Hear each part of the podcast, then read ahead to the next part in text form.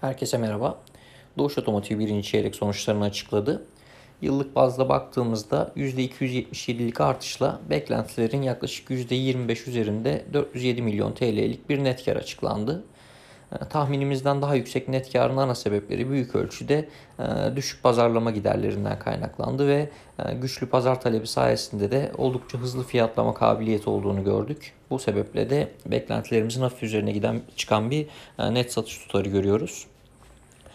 Şirketin karlılık tarafına baktığımızda ise brüt karlılıkta hafif bir gevşeme var yıllık bazda ve çeyreksel bazda. Bunu normal olarak değerlendiriyoruz. Ee, giderler üzerindeki sıkı kontrol ise e, sürdürülüyor. Oldukça başarılı bir operasyonel giderler bölü hasılat oranı görüyoruz %3.9 seviyesinde. Geçtiğimiz sene 3. çeyrekte de benzer bir e, durum söz konusuydu. Ee, bunu şirket için olumlu e, bulmaya devam ediyoruz biz. Ee, buna bağlı olarak da FAVÖK yıllık bazda %116'lık bir artış göstermiş oldu. Ee, çeyreksel bazda ise %8'lik bir artış görüyoruz. Ve 562 milyon TL'lik FAVÖK piyasa beklentisinin %20, bizim beklentimizin ise %15 üzerine çıkmış oldu. FAVÖK marjı da yıllık bazda 90 bas puan, çeyreklik bazda 150 bas puanlık bir e, büyüme göstermiş oldu. %9.1'lik oldukça güçlü bir FAVÖK marjı görüyoruz.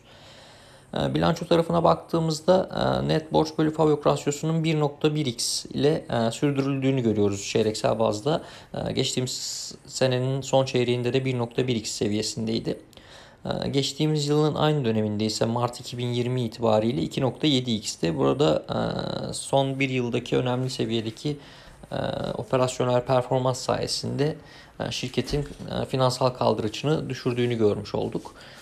Ee, buradaki güçlü seyirde e, pozitif görünümde sürüyor.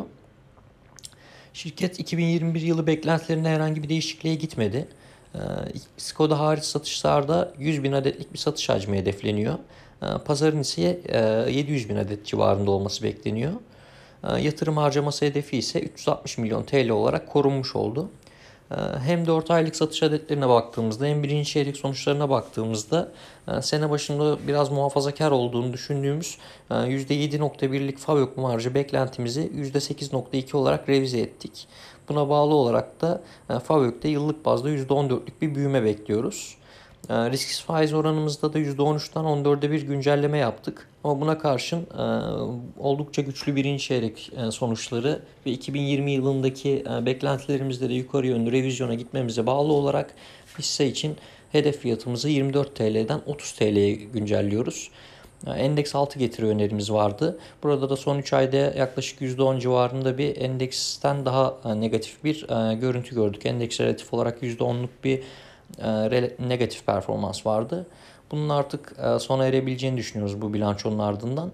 E, endeks altı getiri önerimizi de endekse paralel getiri olarak güncelliyoruz. Sonuçların genel olarak oldukça pozitif olduğunu düşünüyoruz.